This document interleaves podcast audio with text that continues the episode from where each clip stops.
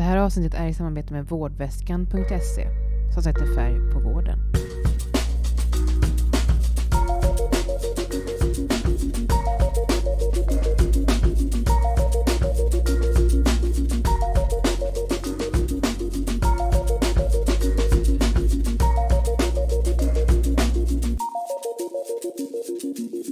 Hej och välkomna till Specialistpodden med mig Anahita Amirpour och Ferhat Baysal. Och vi är två anestesisjuksköterskor. Mm. Och eh, nu har vi kommit till del två i vårt eh, ämne om rasism.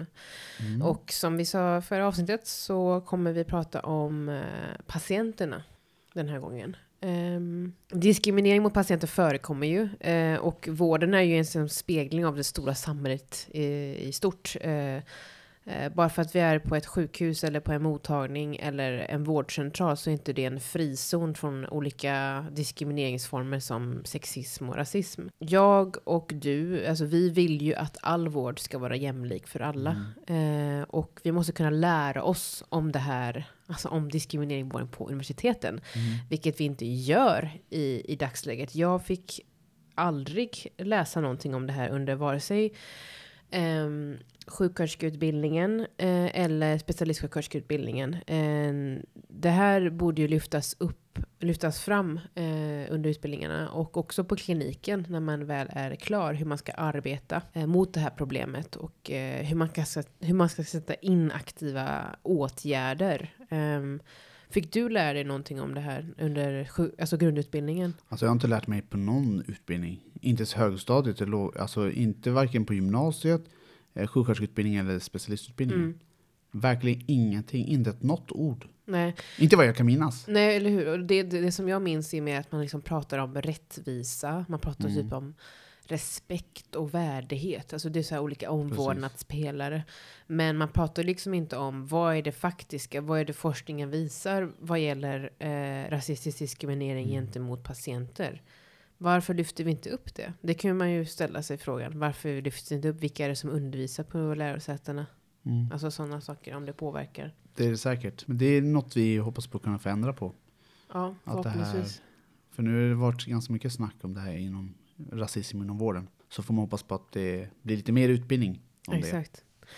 Ehm, för att du ska berätta lite om ett speciellt fall Mm. från verkligheten. Eh, Peter Magnusson. Vad kan du säga om honom? Ja, det här var ju en, ungefär tio år sedan. Eh, som undersköterskan Peter eh, medverkade på SVT Debatt. Eh, han arbetade då på en intensivvårdsavdelning på Södertälje sjukhus och slog larm om att hur Eh, IVA-personalen eh, behandlade sina patienter som var invandrare. Eh, att de bemöttes dåligt och inte fick smärtlindring ibland när de behövde det. Han berättade även om olika patientfall. Eh, bland annat där en patient med annan ursprung än svensk kommit in på grund av traf- trafikolycka. Eh, när den anhörig kom in på sal så säger den ansvarig sjuksköterska att patientens anhöriga är som måsar, skriker, skränar och skräpar ner. När de i själva verket inte ens gjorde det. Eh, och efter den här SVT-debatten så blev det ramaskri och på avdelningen och bland eh, Peters chefer. Mm. Eh, de ville omplacera Peter till en geriatrisk eh, avdelning. Men konflikten blev så infekterad där sjukhuset att Peter hade samarbetssvårigheter medan fackförbundet yrkade att han skulle få sitt jobb tillbaka. Och ett skadestånd på 200 000. Mm. Eh, fallet gick ju till Arbetsdomstolen och sjukhuset vann. De tog jobbet från Peter på grund av att han sågs ha samarbetssvårigheter vilket skulle äventyra patientsäkerheten. Och det här var ju som sagt ungefär för tio år sedan, Mm. 2009 eller någonstans där. Ja, Och, så sjukt. och, och det är så sjukt att han ska bli av med jobbet när han eh, försöker visa hur verkligheten är. Istället för att göra någonting åt det så tar de bort honom. Mm. Vilket jag tycker är helt oacceptabelt. Mm. Och det här fallet gick ju liksom Arbetsdomstolen eh, till Arbetsdomstolen då och eh, han förlorade Peter. Mm. Men det visade sig sen att facket tog frågan vidare till Europadomstolen. Men jag eh, försökte läsa mig till om det, vad som hände, men jag kunde inte hitta ehm, om han vann eller inte. Så är det någon som vet, Ja, kontakta oss. Så verkligen. Kan vi kika Ehm, på det. Men, eh, och det är ju som sagt, det här är ju lite tråkigt. Det här skrämmer ju många då från att våga säga vad de tycker och tänker. Eller försöka visa Mm. verkligheten. Ja, det blir en de- tystnadskultur. Ja, Alltså. men, eh, men det som är så bra nu eh, så kom det nämligen en ny lag eh, 2017, 1 januari. Där den, eh, det är en lag som skyddar de här så kallade visselblåsare. Alltså Mhm. de här som eh, eh, ja, ja, pratar om att det är inte bra på arbetsplatsen. Ja, liksom att försöka Missförhållanden. Ja, missförhållanden helt enkelt. Ja. Eh, och den här skyddar ju liksom personen till att cheferna inte får liksom säga upp personen på grund av det eller något sånt där. Så hade det här hänt nu så tror jag att det inte hade slutat så här, att han hade blivit av med jobbet. Mm. Om inte han själv hade valt Ja, att liksom gå därifrån. Men jag Ja. menar, han, var nog inte, han ville nog inte gå från det avdelningen, eh, utan blev uppsagd istället. Precis, det var ju ofrivilligt att han lämnade. Ehm, Exakt. Och, ja, och det tycker jag ändå är bra att det har kommit en sån lag. För det här Ja. gäller både anställda och inhyrda, så det spelar ingen, liksom, Mm. ingen roll vad du har för anställning. Ja, också att slå larm om missförhållanden, då har vi ju sett vad det får för konsekvenser. Alltså typ Mm. bara med Macchiarini-skandalen till exempel. Ja, det var ju exakt. vi- visselblåsarläkare som larmade om det. Eh, det måste finnas en lag som skyddar den anställde. Man måste kunna liksom eh, försöka, man måste eh, slå larm när det är allvar. Och det här liksom handlar i, slut, i, i slutändan om patienterna. Det är liksom Ja, det är de som patientsäkerheten. Ja. Ja, och det är det. Då ska vi kunna påverka det genom att våga säga, eller liksom våga ta upp det här. Mm, Och, och jag hoppas ju att fler vågar göra det mm. när de vet om att det finns en sån här lag. Det är, jag tror inte det, det är många som har koll på det heller. Nej, och egentligen tror jag också så här att det här är ju ändå också en del av vår profession. Mm. Att vi ska ta hand om patienten och värna om dens integritet och så vidare. Det är ju det, är ju det som vi ska göra som sjuksköterskor. Eller, så här, eller läkarna eller undersköterskorna. Så så här, det är ju att slå larm om att någon om att det finns en form av rasistisk kultur på en Mm. arbetsplats. Det är ju Det är inte fel. Alltså det är ju för att man vill skydda patienten från att den ska komma till skada. Alltså Mm. patienten är ju redan sjuk. Exakt. Alltså den är ju redan utsatt. Varför ska du hålla på? Inte just med att säga saker och ting, det här med att inte ge smärtlindring till en som Ja. invandrare. Alltså varför ska personen lida Mm. för att den är född med liksom en utländsk bakgrund? Ja. Alltså det är ju... ja, det är... Alltså man vet inte vad man ska säga ens. Det är, man står ju bara här bara helt galet. Ja, verkligen. Och just vad gäller rapporter kring eh, diskriminering eh, i vården så gjorde DO, eh, diskrimineringsombudsmannen, en rapport som hette Rätten till lika, sjuk Rätten till lika sjukvård på lika villkor för några år sedan. Eh, där tar de upp den här strukturella diskrimineringen som vi varit inne lite på. Eh, de lyfter ju upp eh, bland annat att patienter som bär hijab, alltså slöja, de får stå till svars för olika uttolkningar av islam. Och återigen här, eh, tangerade lite vårt förra avsnitt med eh, Sara som berättade, eh, som var biomedicinsk analytiker, om sina erfarenheter av att vara muslimsk kvinna i svensk sjukvård. Ehm, den här utredningen som DO gjorde visar också på att det finns studiematerial som liksom förmedlar rasistiska föreställningar i, i, i vårdutbildningar, alltså till sjuksköterskeutbildningar och liknande. Eh, det finns till exempel läromedel om så kallad mångkulturell vård som liksom skapar olika föreställningar om att den som är invandrare och vårdtagare, eh, den är liksom ett kulturellt objekt och kan inte förstå rationaliteten som finns i det medicinska svenska tänkandet. Alltså citat där. Ehm, och det är också intressant för det är någonting man, man kan sätta på jobbet tycker jag. Att ja, men den här personen, eh, den förstår inte eh, att så här funkar det i svensk sjukvård. Eller den här personen, patienten vill bara att hennes anhöriga ska vara med hela tiden. Men, så, här, men så här är det ju kanske i, i den, eh, i den eh, kulturella kontext som den personen har vuxit upp i. Man tar hand om sina äldre. Eh, man, det, det är de som familjemedlemmar som följer med patienten till badrummet till exempel. Och det är det jag menar, utan, utan utbildning, utan kunskap så blir det så. Det är inte så Mm. konstigt. Mm. Att man har sådana där tankar, att man tycker att det är konstigt. Men Ja. för oss, jag menar vi invandrare, vi tycker att det är jättevanligt att till exempel att man ska ta hand om sina föräldrar, eh, de ska liksom, man ska bo med dem när de blir gamla. Mm. Eh, och det är liksom, det är samma sak när jag, det är egentligen så sjukt, när jag kom till, eh, eh, det här var ju i och för sig när jag praktiserade på, nej, jag jobbade, förlåt, det var en sommar, jag jobbade här i Stockholm. Mm. Och då kom jag till ett äldreboende i Stockholm. Och såg att det var en eh, turkisk eh, kvinna, patient alltså, där. Mhm. Eh, och då blev jag liksom så här lite, inte chockad, men jag blev lite så här bara, ska inte den här personen vara hemma och bli omhändertagen med sina barn? Alltså hänger du med? Men just du att, tänkte så? ja, för det var liksom så sjukt, för det var, det var så ovanligt. För jag vet ju att det är ofta så att man tar ju hand om sina föräldrar, så är det bara. Det är ju sällan man lägger dem i ett äldreboende och låter någon annan ta hand om det. Mm. Alltså det är så vår kultur är helt enkelt. Men just där, det var så sjukt att jag blev liksom bara så här, Vad gör du här, liksom Var var du någonstans? Var det på ett... äldreboende Ja, här i Stockholm. Ja. Okej, ja. Eh, och röstburen och det var ju inte så att eh, patienten var dement eller något sånt där. Hon var ju Mm. klar i huvudet och pratade Mm. liksom sådär. Men det var bara att jag som tyckte Du att det var- reagerade där. Ja, det var så här, jag tyckte bara så nästan att det var så konstigt. Fast att det inte var det. För jag vet inte hur deras situation var hemma. Nej. Jag menar barn, nu var det kanske ett barn hon hade som kanske inte bodde här, som inte kanske hade tid att kunna ta hand om. Men du vet, just det här med att jag lever med en kultur där man ska ta hand om sina äldre, Mm. helt enkelt. Så är det bara. Mm. Eh, men sen att se det att på det här sättet, det var bara så här, what Mm. the fuck? Du, du blir liksom överraskad. Ja men typ ungefär så. Ja. Ehm, och vad gäller just kompetens och erfarenhet av mångkulturell, eh, i mångkulturell vård, eller vad man ska säga. Eh, det räcker ibland inte faktiskt, även om man har kunskap, eller man tror sig ha kunskap. Det, det finns en svensk studie gjort på det här, där man gjorde en ehm, undersökning med svenska sjuksköterskor, forskare och föreläsare som alla hade mångårig erfarenhet av eh, att jobba i en mångkulturell kontext. I det här eh, resultatet så visade det sig att ingen av de här som deltog nämnde rasism eller diskriminering i mötet med de här patienterna som hade annan Mm. ursprung än svensk. Ehm, trots att forskning, det finns liksom forskning hur mycket som helst på att det, det förekommer rasism, eh, diskriminering ehm, och att det är en vardag för många eh, eh, i vården eller utanför vården.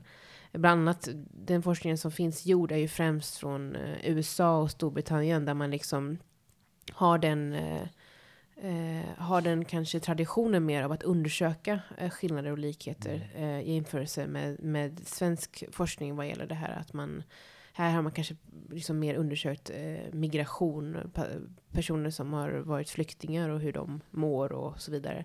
Men just det här med att visa på hur vården blir olik, eh, den, den är liksom er från, eh, från andra länder. Eh, och det var, det var så intressant att läsa det, för jag bara, men hur kan de, hur kan de missa det? Varför tar de inte upp det här? Alltså, det var... Jag tänker att man har kommit lite längre i sitt resonemang då, men uppenbarligen inte. Förra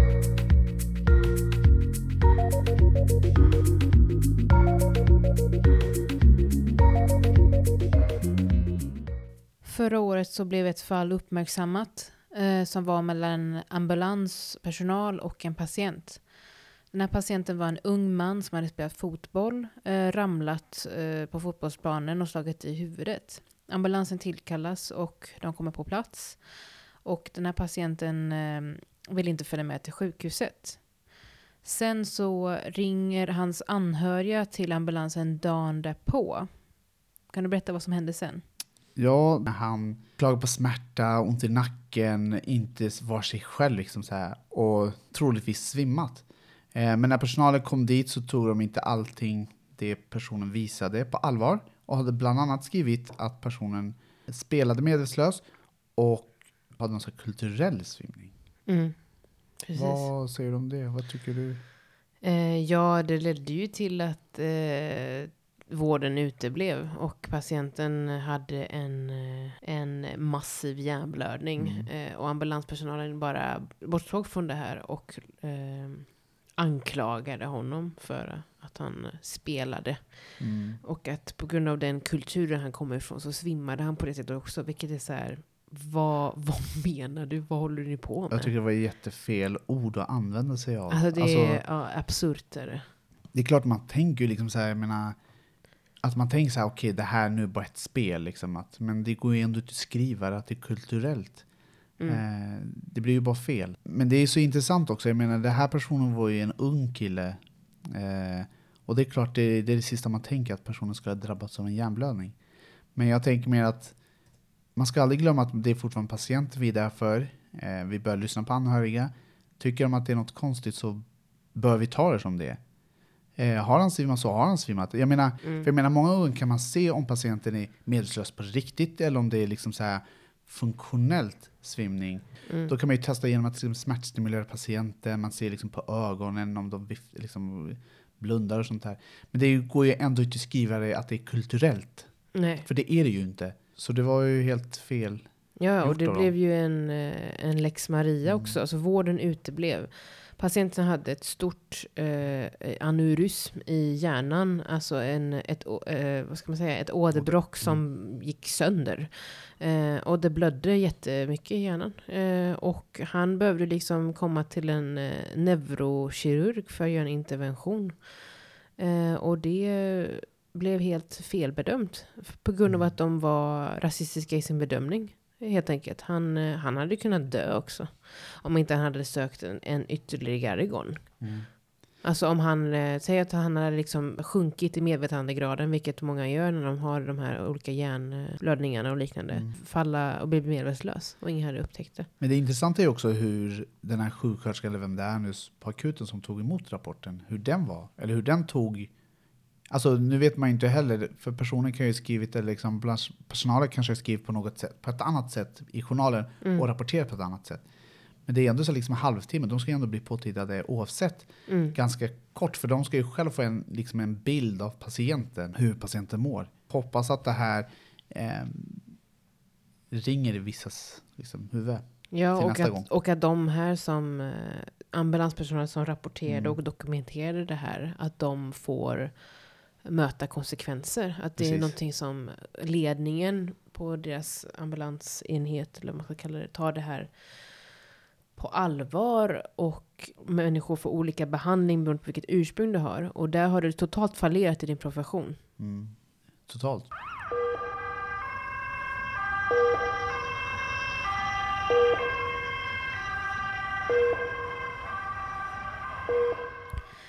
Jag tänkte nu gå igenom två olika studier som är gjorda i USA och som handlar om rasism mot patienter. Den första är från 2016 och är gjord med läkarstudenter. Eh, läkarstudenterna tror på att det finns eh, biologiska skillnader mellan vita och svarta människor när de blir tillfrågade. Och de här läkarstudenterna tror också att svarta människor har tjockare hud och att svarta människor har färre nervändar. Eh, det innebär då att läkarstudenterna tror att, de tål, att svarta tål mer smärta än vita personer. Eh, det här är ju fruktansvärt att sådana här olika eh, föreställningar existerar än idag. Eh, det här är liksom från, för tre år sedan. Och eh, det skulle vara intressant att se liknande studier i andra länder, till exempel i, i Sverige, här i Sverige. Det är såklart så att vårdpersonal som all övrig befolkning sällan öppet skulle stå för att de liksom hyser rasistiska åsikter eller har en rasistisk syn på andra människor. Men det finns flera studier som jag läste som är gjort, gjorda i USA som visar på att citat, eh, de har attityder eller stereotypa värderingar som påverkar deras förståelse, handlingar och beslutsfattande på ett undermedvetet plan. Slutcitat. Alltså vårdpersonal har det. Det här leder då till att det blir skillnader i vilka behandlingar, vilka behandlingar patienterna får och hur kommunikationen blir eh, beroende på vilket ursprung patienten har. Och det här leder ju till att vården blir ojämlik. Det fanns en annan studie som visade på att Eh, på, från olika akutsjukhus där man under fem års tid hade undersökt patienter med olika ursprung. De hade undersökt vita patienter, afroamerikaner och hispanics. Hispanics är spans, spansktalande personer från eh, Latinamerika.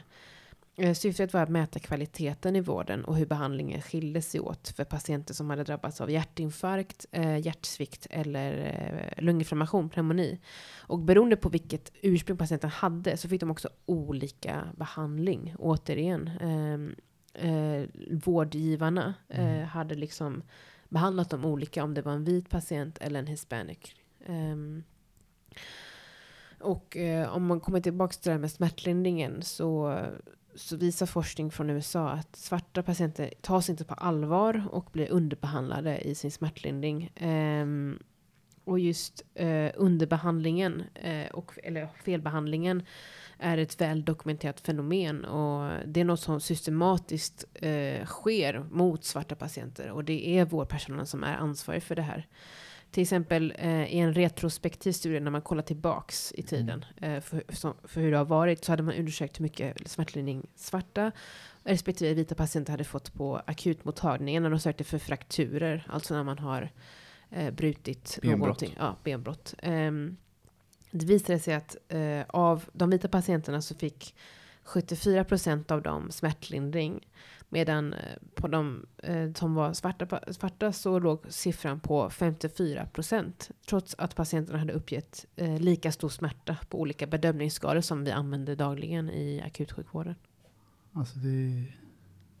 Att det ens framkommer. Och i USA tror jag att det är, det är ju jättevanligt där. Ja, det är Men också, frågan är ja, bara hur, hur det är här. Ja, Jag tror också att det skiljer sig här, tyvärr. Ja, det kan det Men göra. kanske inte så pass, men... Ja, det är också en annan historia USA har. Eh, Exakt. Och vårdsystemet skiljer sig väldigt mycket åt. Mm. Men eh, det är så bisarrt och absurt. Och här ser man ju också igen, som vi tog upp i, eh, i förra avsnittet, Mm. om man- läkarstudenterna som anser att svarta personer har färre nervändar och att de är tåligare av smärta. Alltså Mm. det här är ju rasbiologiskt, Exakt. som vi pratade om. Så vi kom in ändå på det punkten igen. Ja, och det här är liksom en studie för i 2016. Det här är liksom Det är inte, färskt. det är inte från 1930-talet. Nej. Men ni ser ju, utvecklingen har ju kanske inte gått så jättelångt fram, i alla fall inte där. Mm. Och det lär ju ta en ganska lång tid också tror jag. Mm. Innan det förändrar sig. För jag menar, det, är, det här liksom rasism och alltså det finns ju inom alla yrken i USA. Inom polisen. Alltså Mm. man ser ju så mycket och allt är i USA. Otroligt stort där. Ja, Och det är ett stort problem. men vad ska man göra åt problemet? Vad, alltså, rent generellt eh, tänker jag nu. Hur, hur Alltså jag tycker det första är att säga ifrån när någon pratar liksom rasistiskt. Eller liksom bara frå, frågesätta personen helt enkelt. kan man göra det som patient då? Alltså grejen är, risken är om man gör det att man blir ännu då, alltså illa behandlad, Mm. tänker jag. För gör, alltså behandlar man en person illa på grund av ens tankar, om personens ursprung och sånt där, och sen säger den personen emot, så tror jag att det kommer bli ännu värre. Mm. Eller att personen bara blir helt plötsligt bara så här, shit vad gör jag? Varför tänker jag så här? Mm. Men det är ju typ, det är liksom det. Men sen är det som vi har även tagit upp i första episoden, alltså första avsnittet och även som vi har sagt här. Det är alltså utbildning. Mm. Utbilda. Mm. Att hur vi människor är. Att vi, bara för att vi har olika bakgrund och utseende så har vi fortfarande samma känslor. Alltså jag menar, det smärtan jag känner kan du ju känna också lika mycket. Mm. Det spelar ingen roll om du är svensk eller arab Mm. eller kurd. Mm. Ehm, Och just det här med, med språk och så. Det är ju liksom. Det är ju vanligare, som vi sa då, att patienter som har andra ursprung blir baktalade eller förminskade av Mm. vårdpersonal. Eh, och det är extremt viktigt för vi liksom arbetar i en miljö som ska vara en lärorik miljö. Inte minst för att vi har väldigt mycket studenter på sjukhus och så Mm. vidare. Och också för kollegorna. Eh, det som händer är när man pratar nedlåtande eller rasistiskt om på det här sättet. Det är liksom att de här stereotypiseringarna, det blir liksom en hel normalisering i det. Och det är det som är så farligt. Ehm, man måste liksom aktivt kunna motverka det här beteendet eh, med att inte tillskriva negativa egenskaper Mm. till personer som har, eh, beroende på vilket ursprung de har. Det här handlar ju i, i slutändan om en, en kommunikation som har gått väldigt, väldigt fel. Eh, och att man liksom uppmärksammar det och aktivt jobbar med hur man ser på de andra. Alltså så här, andra patienter som inte har ett svenskt ursprung eller whatever. Det måste vara en del i vår utbildning och också när man har sin, eh, sin praktik. Och också i, i när man är färdigutbildad och Mm. arbetar. Det här måste man ta upp. Att så här pratar vi inte här. På den här arbetsplatsen så accepterar vi inte det här. Det här på den här arbetsplatsen har vi nolltolerans mot rasistiska eh, värderingar eller språk. Och det krävs att man har en, en arbetsplats, alltså också en, en grupp med personer som tycker så. Och också att ledningen säger Precis. ifrån. För jag tänker att om man inte har dem med sig så blir det jättesvårt att jobba jobba för det. Liksom. Det tror jag också. Och det här är som sagt, nu pratar vi inte bara om att det här ska hända i vården, det ska liksom ske överallt. På Mm. alla arbetsplatser som finns i Sverige. För det Ja. här är liksom, det kan ju drabba alla på olika sätt, på olika ställen. Precis. Och nu har vi kommit till dagens myt versus sanning. Och för att jag tänkte höra med dig, för du har kollat upp det här. Hur är det egentligen? Tål man mer smärta om man skriker? Ja, det jag har gjort är att jag eh, har tittat på två studier. Mm. Eh, där de har just försökt att se på det här, liksom folk som, eller se om det hjälper på något sätt mot smärtan av att skrika. Mhm. Eller liksom uttrycka sina känslor, liksom ilska på något sätt. Och då finns det en studie som gjorde i Singapore, eh, där det deltog eh, 52 personer, 29 kvinnor, 23 män, i snitt 22 år gamla. Eh, och det här gick ut på att eh, syftet var att undersöka om det gick att lindra smärtan verbalt, det vill säga att man säger någonting. Eh, studien gick ut på att deltagarna skulle lägga först eh, handen i en normal kroppstemperatur vatten.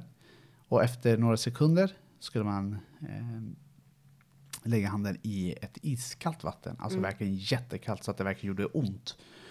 Eh, och, eh, och sedan bety, eh, liksom betygsätta smärtan med en skala 1 till 10 där 1 är liksom eh, ingen smärta, eller 0 rättare sagt ingen smärta, och 10 är värst tänkbara smärtan. Eh, och de, de fick göra det i några omgångar, och i första omgången fick de säga au när de eh, upplevde smärtan. Eh, vid andra gången fick de höra på en ljudinspelning av sig själva säga au, det vill säga att de inte Jaha. säger något utan de hör sig själva. Vid tredje omgången fick de höra inspelningen av någon annan som ser det, au. Och fjärde omgången fick de trycka på en knapp när de hade ont. Knappen gjorde ju inget speciellt. Och i sista omgången fick de bara sitta tyst. Och den här studiens resultat visade att man hanterade tolererade smärtan bättre när man sa själv au eh, och hade kvar handen längre i det iskalla vattnet än om man bara satt tyst eller försökte trycka på knappen när man hade smärtan. Mhm. Så med andra ord så visar den här studien då att om du uttryckte dig genom att verkligen visa att du har ont och genom att Alltså, tala ut det liksom, Verbalt. Ja. verbalt Mm. eh, då kunde du tåla smärtan på något sätt bättre. Mm. Och sen finns det en annan studie som också gjorde på samma sätt. Det här gjordes i Storbritannien. Då var det ungefär samma hypotes, om det går att smär- lindra smärtan med, eh, alltså verbalt. Och här var det 71 studenter som deltog. Och studien gick ju som innan, att man fick stoppa liksom handen i ett iskallt vatten. Och sedan svära som man ville. Mhm. Så det var inte det här att man skulle säga au, nu fick du liksom säga vad du ville. Om Liksom. vill. Det är liksom en svordom helt enkelt.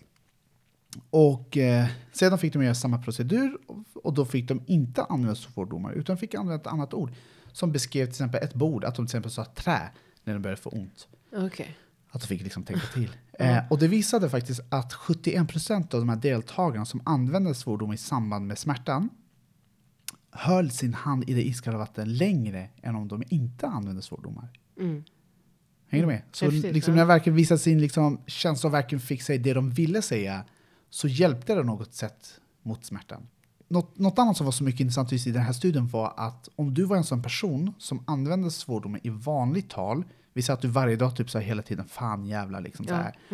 Och i samband med den här studien, när du använde de orden, då hjälpte det inte så bra. Nej.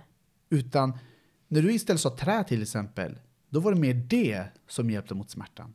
Hmm. Så när du inte använder, alltså, var, alltså en person som använder svordomar dagligen, när de använde svordomar i den här studien så hjälpte det inte, utan det var tvärtom. Använder de inte svordomar så hjälpte det. Och forskarna började liksom tänka på vad är det som gör att verbalt, alltså att man kan lindra smärta på något sätt.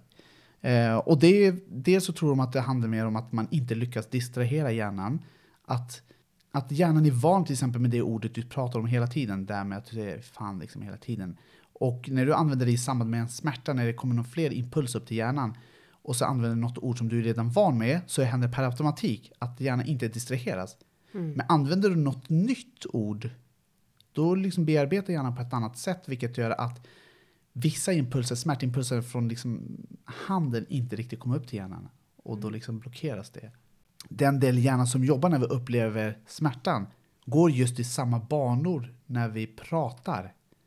Eller liksom uttalar oss någonting. Och att det på något sätt, som jag berättade tidigare, att de överlappar och på så sätt så kommer inte vissa impulser upp till hjärnan från smärtan. Så liksom studiens slutsats, jag skulle nästan säga bådas slutsats, är ju att eh, uttrycker man sina känslor i form av ilska, skrik, liksom, liksom där svordomar och sånt där, så kan smärtan lindras. Mm. Så myten stämmer? Ja, eller ja, alltså, sanningen. Det, det, ja det, det är ungefär så. Ja. Så jag tror att, eh, eller tror, utifrån de här två studierna vi har tagit fram, Mm. som är vetenskapliga, så, så är det ett ja. Så att de står och skriker så kanske det är så att det hjälper mot deras smärta. Och det sjuka är att jag drömde i natt att jag hade ont och så sitter jag och svär. Jag brukar inte svära så mycket, eller jag vet inte. Men att jag börjar svära och då försvinner smärtan. Och det, Wow, ja. men det är faktiskt sant. Jag drömde det här Du är i natt helt faktiskt. påverkad av det du läste. Ska vi prova det Så nu det nästa gång? dagar. Så, att, ja. så svaret på dagens myt är ja. Man tål mer smärta om man skriker. Visa sina känslor. Så Mm. nästa gång jag har ont så vill jag höra er skrika. Precis. Så nu när man går i stan så kommer folk sitta och skrika och använda fordon och då kommer vi fatta att de har lyssnat på specialistpodden. Eller hur, vi kan ju tänka så. Eh, Hoppas det. Yes, och det var allt för det här avsnittet. ehm, som var del två i vår um, rasismtema kan man säga. Mm.